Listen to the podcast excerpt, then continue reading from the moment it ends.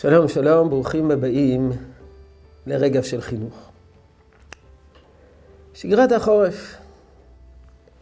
שגרת החורף, תדיר ושאינו תדיר, תדיר קודם.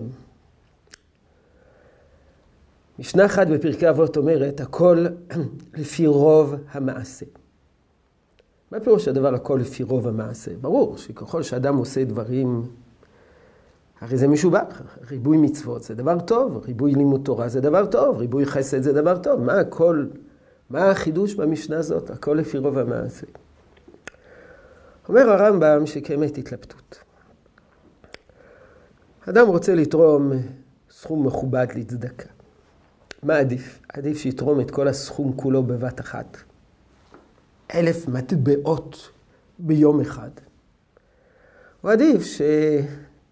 יחלק אלף מטבעות, מטבע ליום, משך אלף ימים. מה עדיף? מה, מה, מה פועל יותר על הנפש? מה פועל יותר על הנפש?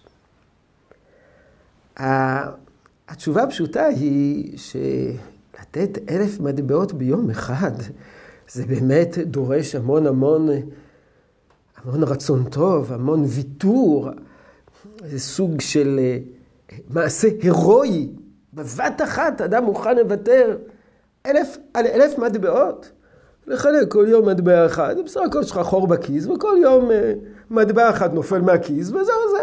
בסוף, לאחר אלף ימים, יתברר שכל האלף מטבעות נעלמו. מסרת אותם לצדקה. אז מה התשובה?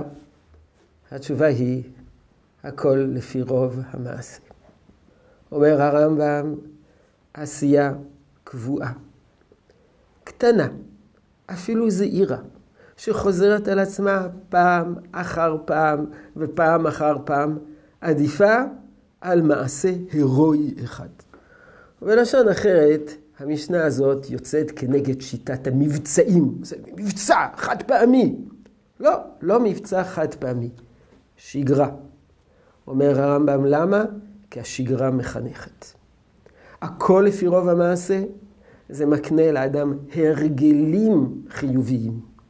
לאט לאט זה מחלחל בנפשו, הוא הופך להיות חלק ממנו. מעשה חד פעמי עושה המון רושם, מזעזע את הנפש, אבל לא בהכרח משאיר רושם קבוע שלעולם לא ייעלם. הכל לפי רוב המעשה, רוטינה, שגרה, זו הדרך. יהי רצון שתשרה הברכה בעבודתנו החינוכית. שלום שלום.